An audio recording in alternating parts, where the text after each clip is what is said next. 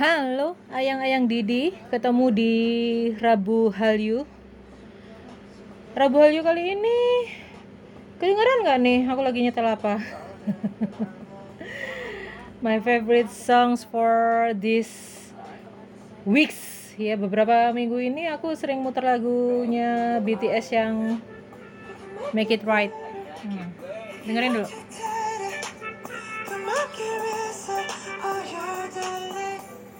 What do you think? What do you think? What do you think? Aku lagi demen sama BTS soalnya banget. Eh, uh, oke okay lah. Kalau orang bilang mungkin aku ikutan orang-orang lagi heboh BTS gitu ya. Ya bisa jadi. BTS grup Korea Selatan ya, tutup tower ya. Mentang-mentang yang biasanya dengerin podcast tuh anak-anak radio gitu. Bilangnya oh ini ya BTS Tower ya. Kamu lagi tergila-gila sama BTS ya? Nggak jadi gini. Uh, bekerja di radio itu membuat telingaku harus peka pada musik ya hayang-hayang Didi. Dan tidak bisa dipungkiri beberapa tahun belakangan K-pop itu sangat menggila di telingaku. Awalnya sih cuman dengerin Gangnam Style kayak gitu ya atau yang Nobody Nobody Like You. Tuwek ya ya kan? Dulu sebatas Super Junior Big Bang kayak gitu. Nah sekarang tuh banyak banget. Banyak banget. Dan kalau kita bicara tentang BTS biasanya juga di versuskan dengan EXO ya kan? Belum lagi persaingan mereka di kancah musik internasional itu lawannya sama Blackpink sekarang. Blackpink ini juga lagi di Billboard juga gila-gilaan. Dynamite udah udah turun. Si Blackpinknya udah uh, lagi naik. Yang gila itu ya ya kebayang nggak sih Dynamite masuk Billboard terus Savage Love juga. Gendeng yo iki BTS ya. Nah, ini kalau saya sih lebih melihat dari sisi musikalitasnya. Kalau misalnya ternyata saya sering nonton videonya karena mereka ganteng-ganteng yaitu bonus lah buat cuci mata. Ya jadi gini. Yang aku bilang gila oh ya awalnya gini gini gini gini. Aku tuh sering denger lagunya BTS tapi nggak ngerti kalau itu BTS asli swear. Karena di telingaku awal-awal itu ya lagunya K-pop lah podo gitu. di telingaku awalnya tapi ternyata bukan seperti itu. Tapi ternyata memang e, lingkungan sekitarku itu memang banyak memutar BTS dan aku nggak tahu kalau itu BTS sampai akhirnya aku baca di threadnya Bidas di Twitter aku tertarik gitu. Oh gila ya ternyata ada agensi yang berbeda dengan agensi-agensi yang yang lain. Belajarlah aku tentang BTS ini dan mencoba untuk menikmati lagu-lagunya dan juga mencoba untuk mendengarkan K-pop yang lain. Alhasil, kesimpulannya adalah telingaku sangat sangat tertarik dengan musiknya BTS karena uh, musikalitasnya itu mempengaruhi loh, mempengaruhi musik-musik dunia sekarang. Jadi lagu-lagu yang hit secara internasional itu ternyata banyak yang dari Korea Selatan juga dan banyak dari BTS dan mereka juga sudah berkolaborasi dengan banyak uh, musisi internasional. Jadi sebenarnya telinga kita tuh sudah dijajah oleh musik uh, Korea Selatan, dijajah oleh BTS, EXO dan lain-lain Blackpink juga. Tapi kita nggak sadar kayak kita dijajah sama drakor. Hebatnya lagi ya. BTS ini kan kemarin akhirnya go public. Gila loh Ya, tapi memang kalau di Korea Selatan uh, hiburan itu kan adalah industri dan mereka sering membuat industri jadi TBK. Dan Big Hit Entertainment ini lumayan sangat tinggi waktu dilepas di pasaran dan bikin pemiliknya itu langsung jadi masuk daftar orang terkaya di Korea Selatan. Walaupun kalau kita lihat grafiknya itu naik turun sempat sempat naik banget sempat anjlok kayak roller coaster. Karena ya memang uh, industri hiburan itu sama dengan industri isu juga ya. Kalau ada satu hal yang membuat uh, ada isu yang membuat industri hiburan ini naik ya sahamnya ikutan naik. Tapi kalau enggak ya sudah. Uh, sampai seperti itu ya. Gila gila. Ini benar-benar industri hiburan yang sangat di dikelola dengan baik nah banyak yang bilang uh, lu sekarang demen sama K-pop di demen sama BTS di lu ABG banget ya. Nah, mungkin ada yang berpendapat seperti itu. Padahal sebenarnya aku ini lagi buka data. Jadi data yang aku buka ini adalah data pendengar BTS. Cewek 85%, cowok 15%. Jadi kebayang kalau kamu nonton konser BTS, lu lu cowok mau berantem sama army cewek di situ dulu dikeroyok sama 85%. Ibaratnya seperti itu. Tapi yang menarik di sini adalah prosentase tertinggi usia penggemar BTS yang warnanya ungu adalah 40 tahun. Dia mencapai 48 persen. How come? Aku saja yang masih usia 22.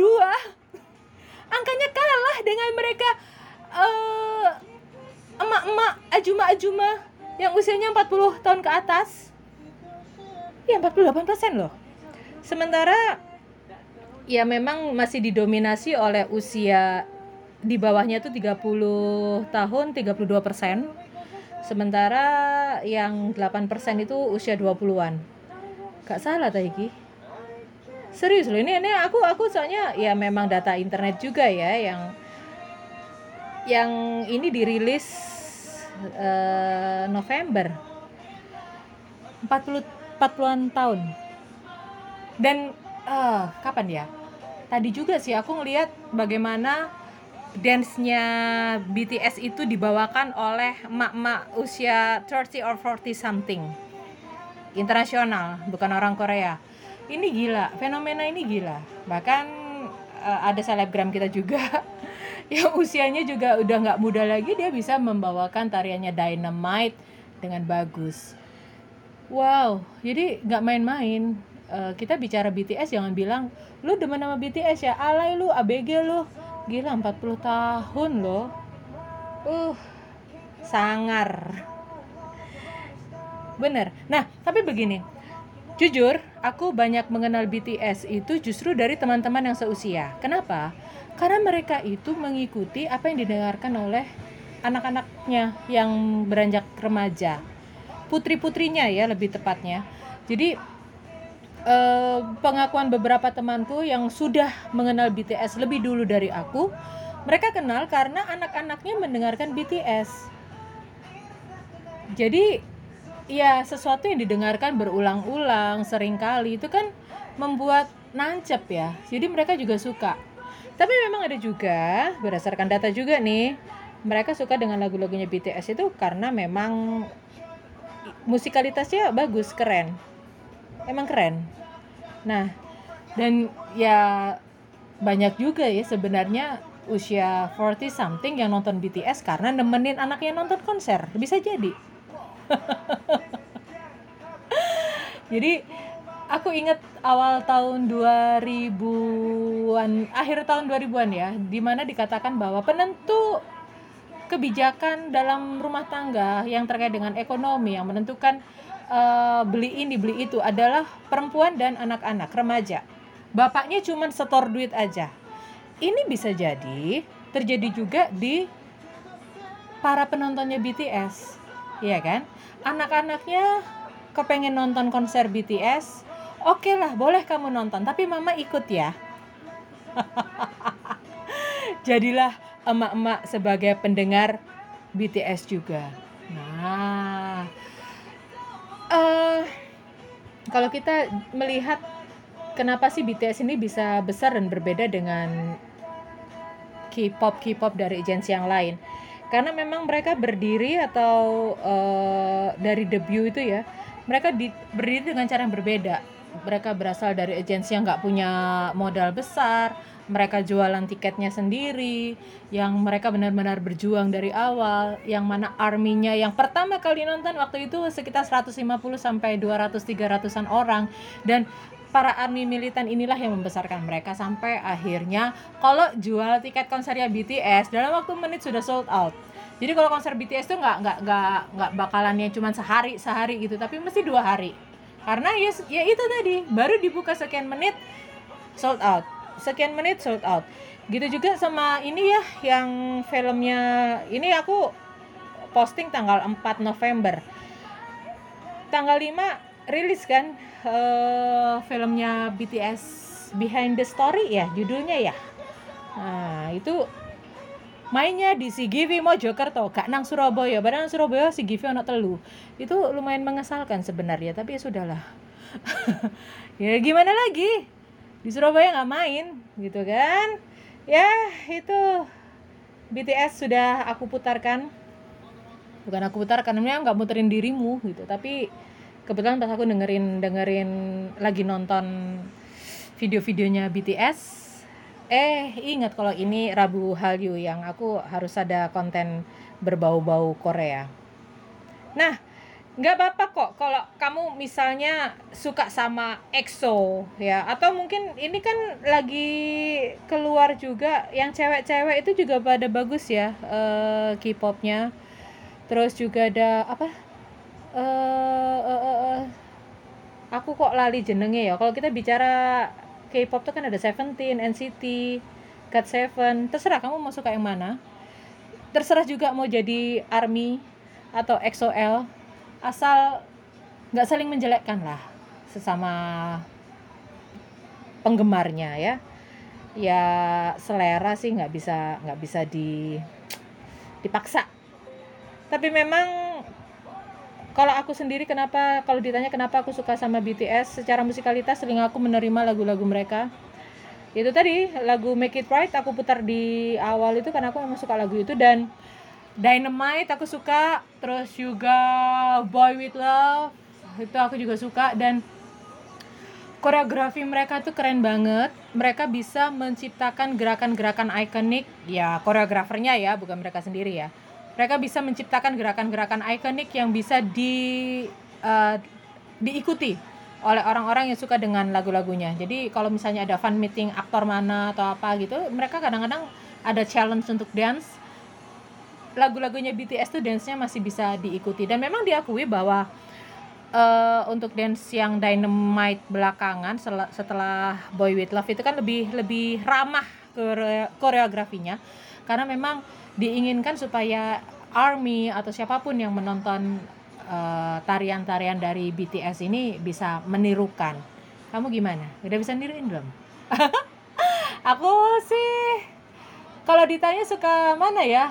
Boy with Love atau Dynamite jogetannya kok aku secara uh, spontan itu lebih banyak yang ke Boy with Love gerakan bahunya goyangannya tuh kadang-kadang kalau lagi di cafe dengerin itu pakai earphone gitu aku bisa goyang sendiri oh, seru nah jadi kalau kita bicara tentang grup satu ini terlalu luas mau ngomongin musikalitasnya kah? Mau ngomongin personilnya kah? Atau mau ngomongin koreografinya kah? Terlalu banyak yang bisa dikupas dari BTS. Yang jelas, siapa pun kalian yang berapapun usia kalian ayang-ayang Didi, mau usia 40 tahun pun mau menyukai BTS jangan malu karena ternyata berdasarkan data yang muncul penggemar BTS ternyata tidak semata-mata ABG. Usia 40 tahunan pun menyukai BTS ya. Koncone akeh ojo isin. Jadi nikmatin saja apa pun lagu yang kalian suka, siapa pun idol kalian dari Korea Selatan yang kalian suka. Pokoknya baik-baik di situ, jangan saling menjelekkan. Ah, wes aku tak nonton video mana uh, lumayan ini aku ini lagi konsernya bagus banyak deh cari-cari aja konser-konser live BTS aku lagi menikmati itu dan semoga minggu ini aku bisa mengakhiri kecanduanku atas BTS sehingga hidupku bisa bergerak ke depan, bisa move on dan bisa bekerja dengan baik lagi. Karena seminggu ini drama Korea aku keter goro-goro. Nonton i videonya BTS ya. Baiklah Rabu Hayu sampai di sini uh, tetaplah berhalu-halu dengan apa pun yang berbau Hallyu Korean Wave, mau drakor, mau K-pop, mau kuliner, tetap satu yang saya ingatkan, secinta-cintanya kamu sama budaya budaya Korea Selatan, tetap cinta ya sama budaya sendiri. Jangan lupakan itu. Oke, bye bye ayang-ayang Didi, dadah.